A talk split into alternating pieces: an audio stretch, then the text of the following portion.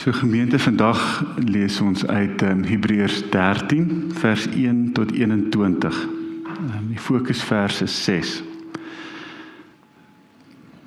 So ons begin by Hebreërs 13 en die die tema is ek ken geen vrees nie. Julle moet mekaar steeds met ware broederliefde lief hê. Moenie nalat om gasvry te wees nie. Deur gasvry te wees, het party mense sonder dat hulle besef, selfs engele tuis ontvang. Moenie dat hulle wat in die tronk, moenie hulle wat in die tronk is, vergeet nie. Lei saam met hulle asof jy self daar sit. Deel in die seer wat hulle van hulle wat mishandel word, asof dit aan julle eie liggaam voel. Respekteer die huwelik in alle omstandighede. Wees getrou aan julle huweliksmaats. God sal almal wat immoreel lewe en in die huwelik ontrou is in die oordeel bring. Hou julle lewe vry van die honger na geld. Laat wat julle het vir julle genoeg wees. Onthou dat God die versekering gegee het: Ek sal jou nie los nie. Ek sal jou nie in die steek laat nie. Daarom kan ons moed skep en antwoord. Die Here is my hulp. Daarom sal ek nie bang wees nie. Wat kan 'n blote mens my aandoen? Onthou julle voorgangers wat die woord van God aan julle verkondig het. Dink aan watter voorbeelde, voorbeeldige lewe hulle end uit gelei het en vertrou soos hulle op God. Jesus Christus bly steeds dieselfde, gister, vandag en vir altyd. Pas op dat jy nie meegesleer word in die bekoring van allerlei vreemde idees nie. Dit is goed om deur God se genade versterk te word en nie deur die nakoming van kosvoorskrifte wat in elk geval vir die wat dit nakom niks gebaat het nie. Ons het 'n altaar om van te eet. Dit is 'n altaar waarvan die priesters in die aardse verbondstent nie die reg het om te eet nie. Die hoofpriester bring die bloed van die offerdiere in die allerheiligste in om as 'n offer vir die sonde te dien, maar hulle karkasse word buitekant die laar verbrand. Daarom het Jesus ook buitekant die stadspoort gelei om sy volk met sy eie bloed aan God toe te wy. Kom ons gaan dan uit na hom toe, buitekant die laar en ons dra saam aan die smaad wat hy moes verduur. Want ons het hier geen blywende stad nie. Ons hunker na die komende stad van God. Kom ons bring dan met Jesus Christus se hulp 'n voortdurende offer van lofprysing aan God. 'n Offer wat opklink van die lippe van hulle wat hom bely. Moenie versuim om goed te doen en wat jy het met mense in nood te deel nie. Dis hierdie soort offers wat God se hart bly maak. Luister na julle voorgangers en doen wat hulle aan julle opdra.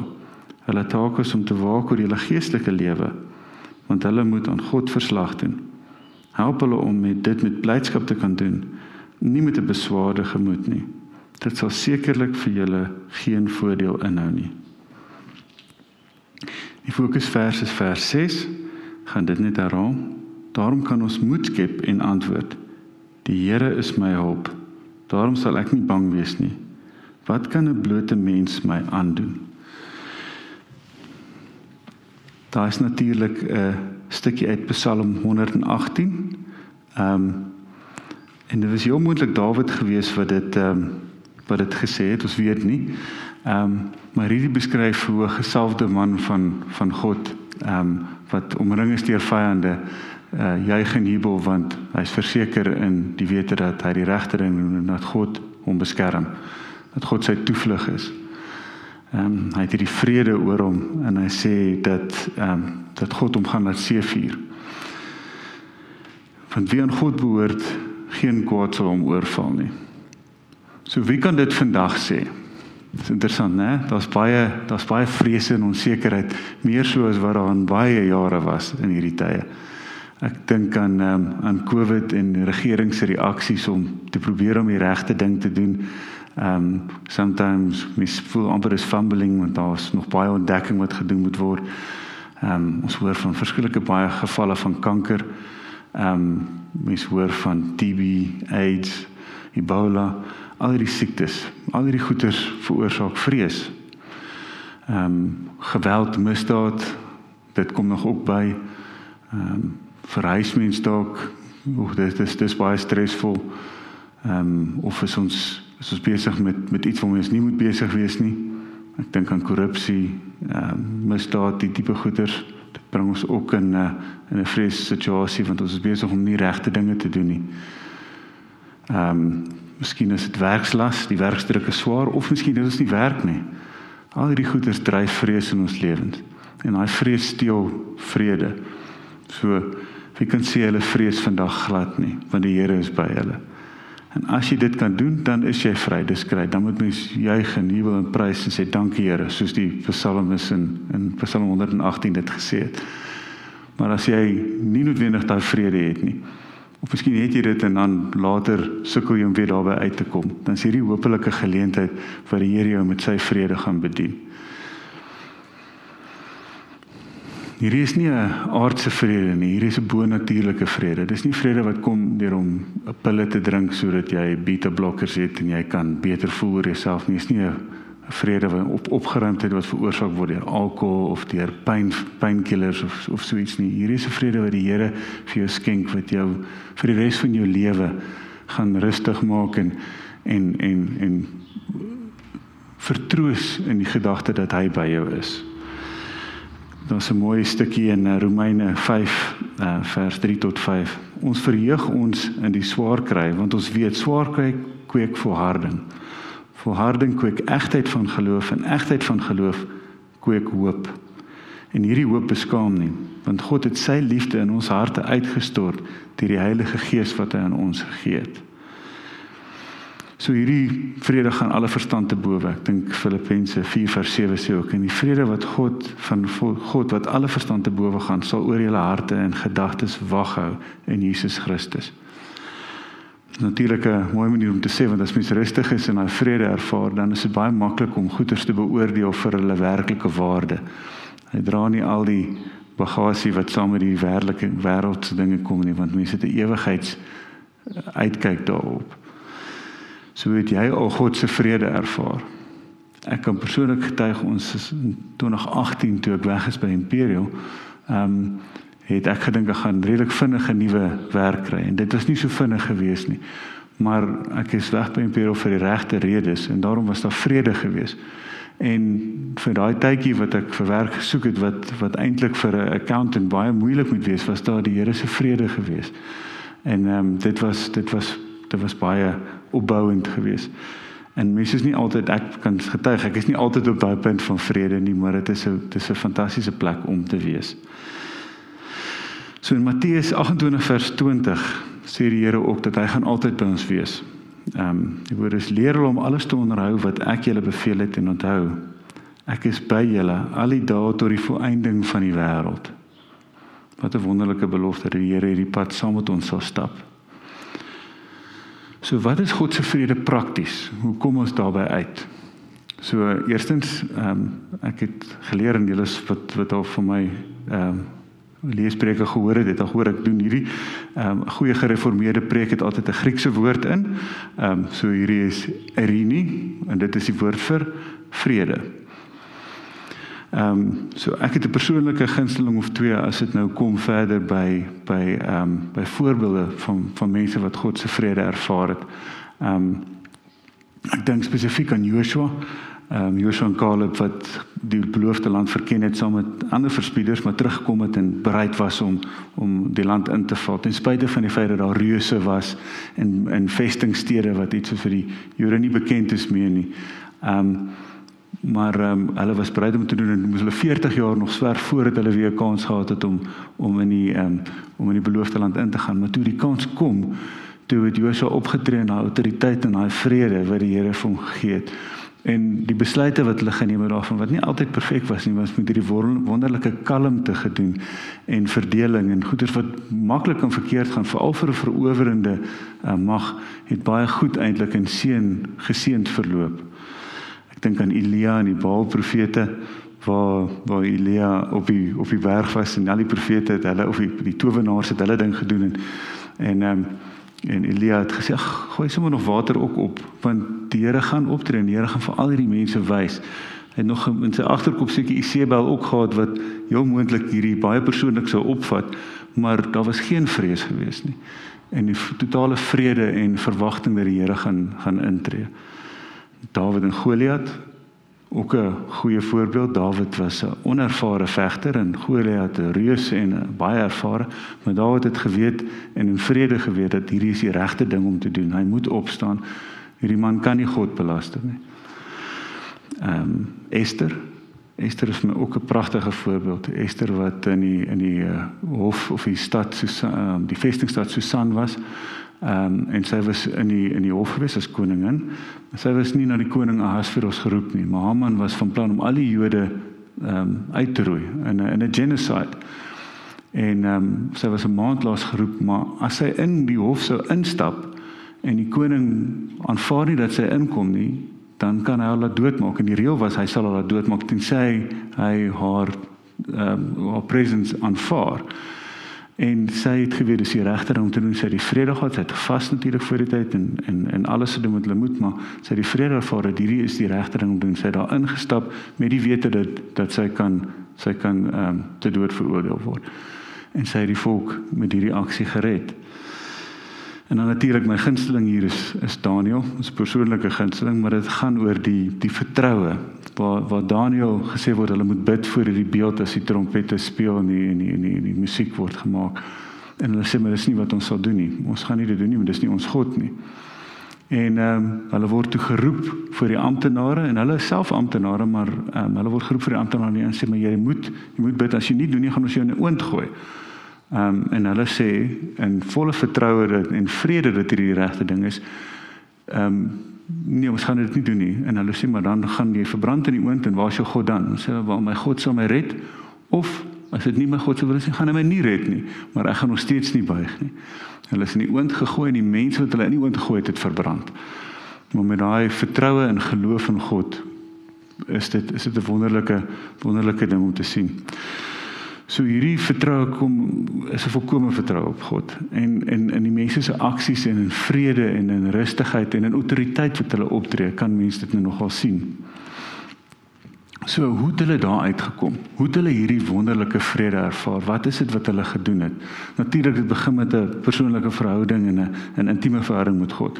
Maar ehm um, ek sou aflei dat almal van julle wat hier is, ontklaar daai verhouding met God het en in besig is om te werk daaraan. So ons kan daai boks tik. So wat is die volgende ding wat kan keer dat mens in daai plek kom? Wat sit wat sit wat wat blokkades kan veroorsaak sodat mens nie so naby aan God kan kom sodat jy basies daai daai vrede kan ervaar nie. Nou die skrywer van Hebreërs het hier in daai eerste paar verse baie mooi voorbeelde gebruik van dinge wat mens moet doen en wat mens nie moet doen nie. Ehm um, ek gaan hulle so vinnig in vier opsom.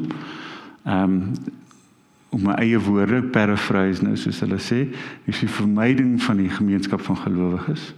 Ehm um, die koue skouer of selfgesentreerd wees, ehm um, onsondige natuur en dan geldgierigheid.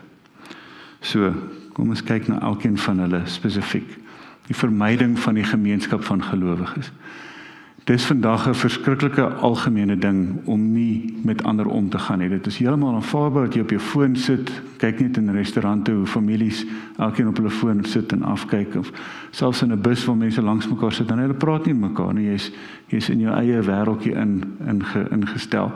In uh die humanistiese uitkyk is totaal al op die eie ek en self en wat kan ek doen en wat kry ek uit enige aksie. Daar is geen daar's geen uh reciprocity, daar's geen um te gelyk gee die ander persoon het ook iets nodig uit 'n uit 'n ding uit nie. So dis 'n dis 'n verkeerde kyk op die wêreld. Alles vleeslik.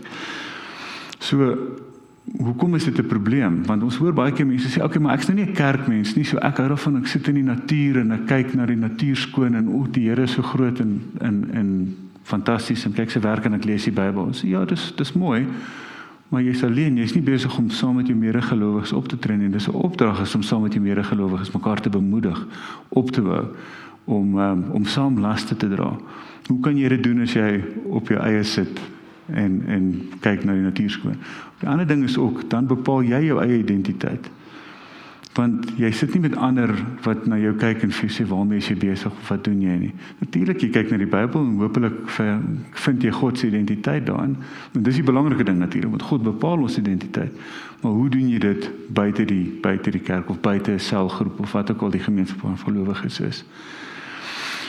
So ons moet mekaar as broers en susters lief hê en ons moet mekaar omgaan. Ons moet toelaat dat ander ons laste dra ons moet deel en sê o ek het swaarigheid ek sukkel met hierdie. Want andersins is ons nie deel van 'n gemeenskap van gelowiges nie. Ja dit is soms moeilik. Dit is moeilik om te deel.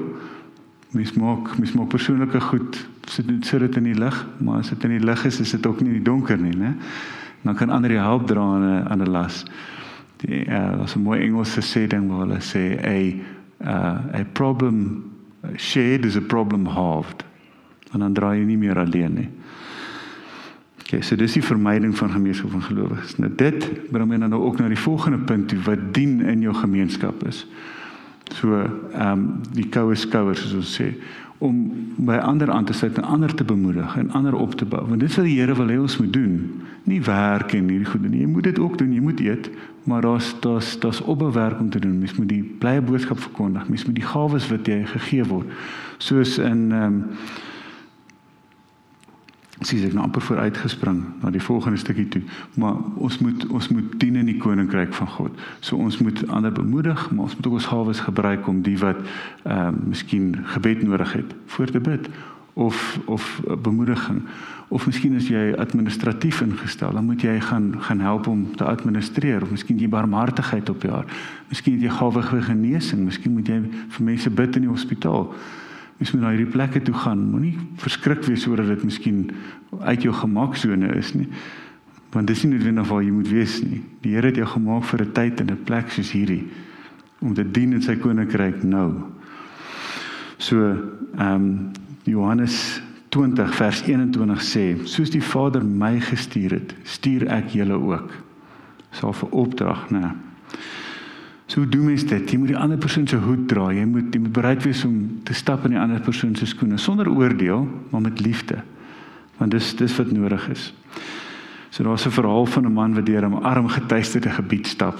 Ehm um, hy uh, hy loop en hy sien dis gehuggies en daar's riool loop in die strate en die kinders het nie klere nie. Daar's arm honde, die brandarm honde wat rondloop en ehm um, die plek is is verskriklik verwese.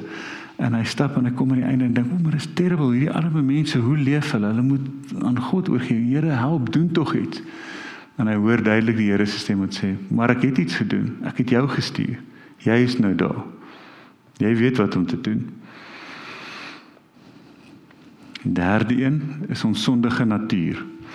Nou, ons ons lewe in 'n sondige gevalle wêreld. Dit is vir ons is.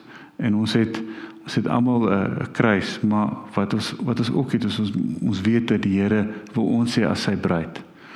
En persoonlike reinheid en keisheid is vir God belangrik. Want om die bruid vir God om die bruid vir God te wees, moet ons aanvaarbaar wees vir hom. So ons moet ons moet alles in ons vermoë om, om reg te wees vir die Here. Nou ons weet ons is ons is dis onmoontlik om perfek te wees. Ons weet die Jode met hulle 600 en iets reëls het um, het probeer om 'n punt te kry waar jy dit self kan doen, maar ons kan dit nie uit ons eie doen nie. Jesus het vir ons sondes gesterf sodat ons vergewe kan word van die sondes en weer rein kan wees voor God. Natuurlik moet ons dan nou nie verder sondig nie, maar dit is 'n punt waar ons kan kan aanvaarbaar wees vir die Here. En as ons nie is nie, dan weet jy in jou agterkop jy is nie. Ons hoef nie vir mekaar te sê nie, jy kan hoor, jy weet jy's nou uit sink uit met die Here. Jy's nou besig om iets te doen wat nie reg is nie. Jy's besig om iets in die donker te doen of jy's besig om 'n paadjie te loop wat nie saam met die Here loop nie. Jy loop nie in sy wil nie. Moet elke vorm hiervan vermy. Nou Galasiërs 5 vers 19 lys hulle baie mooi onsedelikheid, onreinheid, losbandigheid, afgodsdienst, towery, vyandskap, haat, naaiwer, woede, rusies, verdeeldheid, skeurings, afguns, dronkenskap, uitspattigheid en dergelike dinge. So vir vir die wat jonger van hart is, het ek dit ook so vinnig vertaal skelmverhoudings, pornografie in vandag se tyd, seks buite die huwelik, haatspraak, boelie, trolling, En my vrou het so vinnig geloog en sê ek weet nie of almal gaan weet wat trolling is nie. So gaan sê vinnig soos die trol wat onder die brug uitspring en die sprokie van die rammetjies rof. is daar mense wat sit en wag vir 'n kommentaar op 'n WhatsApp groep. Die kinders doen dit veral. En as daar kommentaar is waarmee hulle saamstem nie, dan pik hulle op die kind. Hulle boelie die kind. So dis ook 'n vorm van boelie. Maar dit is verskriklik algemeen vandag. Mens sien dit veral op die internet waar mense goeders eis dit en dan is daar verskriklike negatiewe goed. Hoe weet ons wat dit is? Dis maklik. Die vrug daarvan is negatief. Die vrug daarvan is skaamte en oordeel. En as enige aksie wat jy het dit veroorsaak in 'n persoon dan weet ons mos die vrug hiervan is verkeerd. So as mens ooit wonder, is eintlik maklik. En natuurlik die laaste een is korrupsie. En hy kyk weer vir die vir die eie ek. Daai is alles dinge van die sondige natuur, dis van die vleeslike wêreld en dis goed wat ons moet vermy want dit is goed wat ons wegvat van die Here se hartklop af en van die Here se nabyheid sodat ons sy vrede kan ervaar. Die vierde vierde een is geldgierigheid. Paulus noem hierdie in 1 Timoteus 6 vers 10 die wortel van allerlei kwaad. Dis seker ook een van die onderwerpe waar Jesus die meeste gepraat het. Sê dit nou onder korreksie, maar daar was baie daaroor gepraat. Spesifiek in Matteus 6 vers 24 sê sê Jesus: Niemand kan vir twee baase te gelyk werk nie. Hy sal of die een minder ag en nader een een nader en een hoër of een meer vir meer oor en van ander een afskeep. Jy kan nie God en Mammon dien nie. So mens moet kies, God of Mammon. Dit klink verskriklik om dit so te sê, maar dit is soos dit is. Kies ons die geld, kies ons die wêreld se goed of kies ons die Here. Nou in Johannes 2 vers 15 ehm um, was daar die uh die gebeurtenis by die tempel waar Jesus in die tempel aangekom het en mense was besig om handel te dryf in die tempel. En hy byn toe gaan en het 'n sweep gemaak. Seker een van die drastiese meer drastiese aksies wat Jesus ooit geneem het, nou die mense uit die tempel verjaag met 'n sweep. Hierdie het gaan oor geldgierigheid. En dis hoe ernstig dit is en hoe maklik dit is om in hierdie in die lokval te val. Maar terselfdertyd het ons nog steeds rentmeesterskap. In Genesis is ons in beheer gestel van die Here se skepping, né? Ons het rentmeesterskap van van diereryk en die natuurlike koninkryk wat wat hierdie is waar ons is. Ons moet nog steeds geld maak, ons moet eet. Dit is nog steeds deel van lewe. Maar in Matteus 25 vers 14 is 'n baie mooi gelykenis van die slaaf met die 10 goue muntstukke. En dis wat die Here vir ons wil hê. Dis sy geld en hy gee vir ons rentmeesterskap en ons moet woeker daarmee. Maar dit moenie met ons woeker nie. Ons moet daarmee werk. Die Amerikaners sê do not let the tail wag the dog. Ons moet in beheer wees van die geld, nie die geld van ons nie. Ons moet die geld bestuur, nie die geld ons nie. En as ons vry natuurlik is van al hierdie besittings en geld, dan gaan ons ook vry wees van daai meelsteen en ons gaan vry om God te dien. So, ons het nou gepraat oor al die dinge wat vrede gee en dan die tema hier is oorheersend maar vrees, né? So is vrees dan sonde? Dis nou 'n interessante vraag want ehm um, is dit dan verkeerd? Ons het daar staan baie gereeld in die Bybel ons moenie lafhartig wees nie. Maar ons moet ook verstaan dat vrees is nie sonde nie. Ek dink spesifiek aan waar uh, Jesus ons saligmaker en verlosser aan die kruis sou sterf en hy was in die tuin van Getsemane. En hy was hy was beangst nou na die verskeie vertalings gekyk maar hy het vrees gehad in sy hart.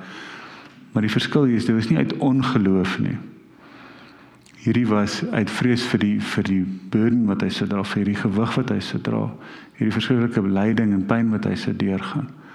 En dis dis die dis die manier wat ons ook daarna moet kyk, soos Jesus daarna sou kyk. So as ons bevrees is, dis nie 'n slegte ding nie. Jy kan nie van drie verdieping gebou spring en dink jy gaan wegstap nie. Dis 'n goeie goeie ding om om te te weet wat vrees is maar dit moet nooit uit ongeloof wees nie. So wat het Jesus ook toe gedoen toe hy beangs was? Hy het na die Here toe gedraai, het gebid, hy het met die Here gepraat.